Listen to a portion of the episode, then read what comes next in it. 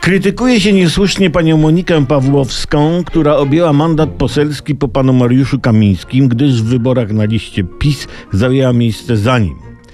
I kpi się z kariery politycznej pani Moniki, że najpierw była w SRD, później w Wiośnie Biedronia, następnie w Porozumieniu Gowina, jeszcze następnie do PiSu poszła. Piszą różni, że o, nie ma poglądów i w ogóle. I teraz żadna partia nie chce jej przyjąć do klubu parlamentarnego. I nowa pani posłanka, posłana za, zdecydowała, że będzie niezrzeszona, ale będzie. Bo jak masz być posłem, musisz być twardy. Nie możesz sobie pozwolić na to, że ci coś rozbije. Jakaś sytuacja, zwłaszcza taka, która cię dotyczy osobiście.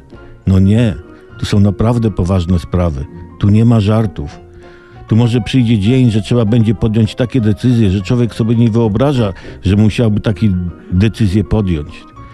Osobiście kibicuję pani Pawłowskiej, bo ona jest taką ekumeniczną posłanką. Skoro wszędzie była, to wreszcie ktoś, a pani Moniki nie brak, dogada się ze wszystkimi ponad podziałami.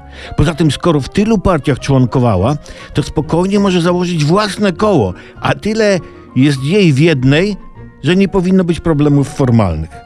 Chociaż, chociażby jej starczyło na wiele dowolnych kół, albo nawet zespół poselski. Jest parlamentarny zespół do spraw e-sportu, to pani posłanka może założyć taki jednoosobowy zespół miłośników bycia to tu, to tam. Bardzo piękny zespół. I najważniejsze, najważniejsze to nie angażować się emocjonalnie. Koko, jumbo i do przodu.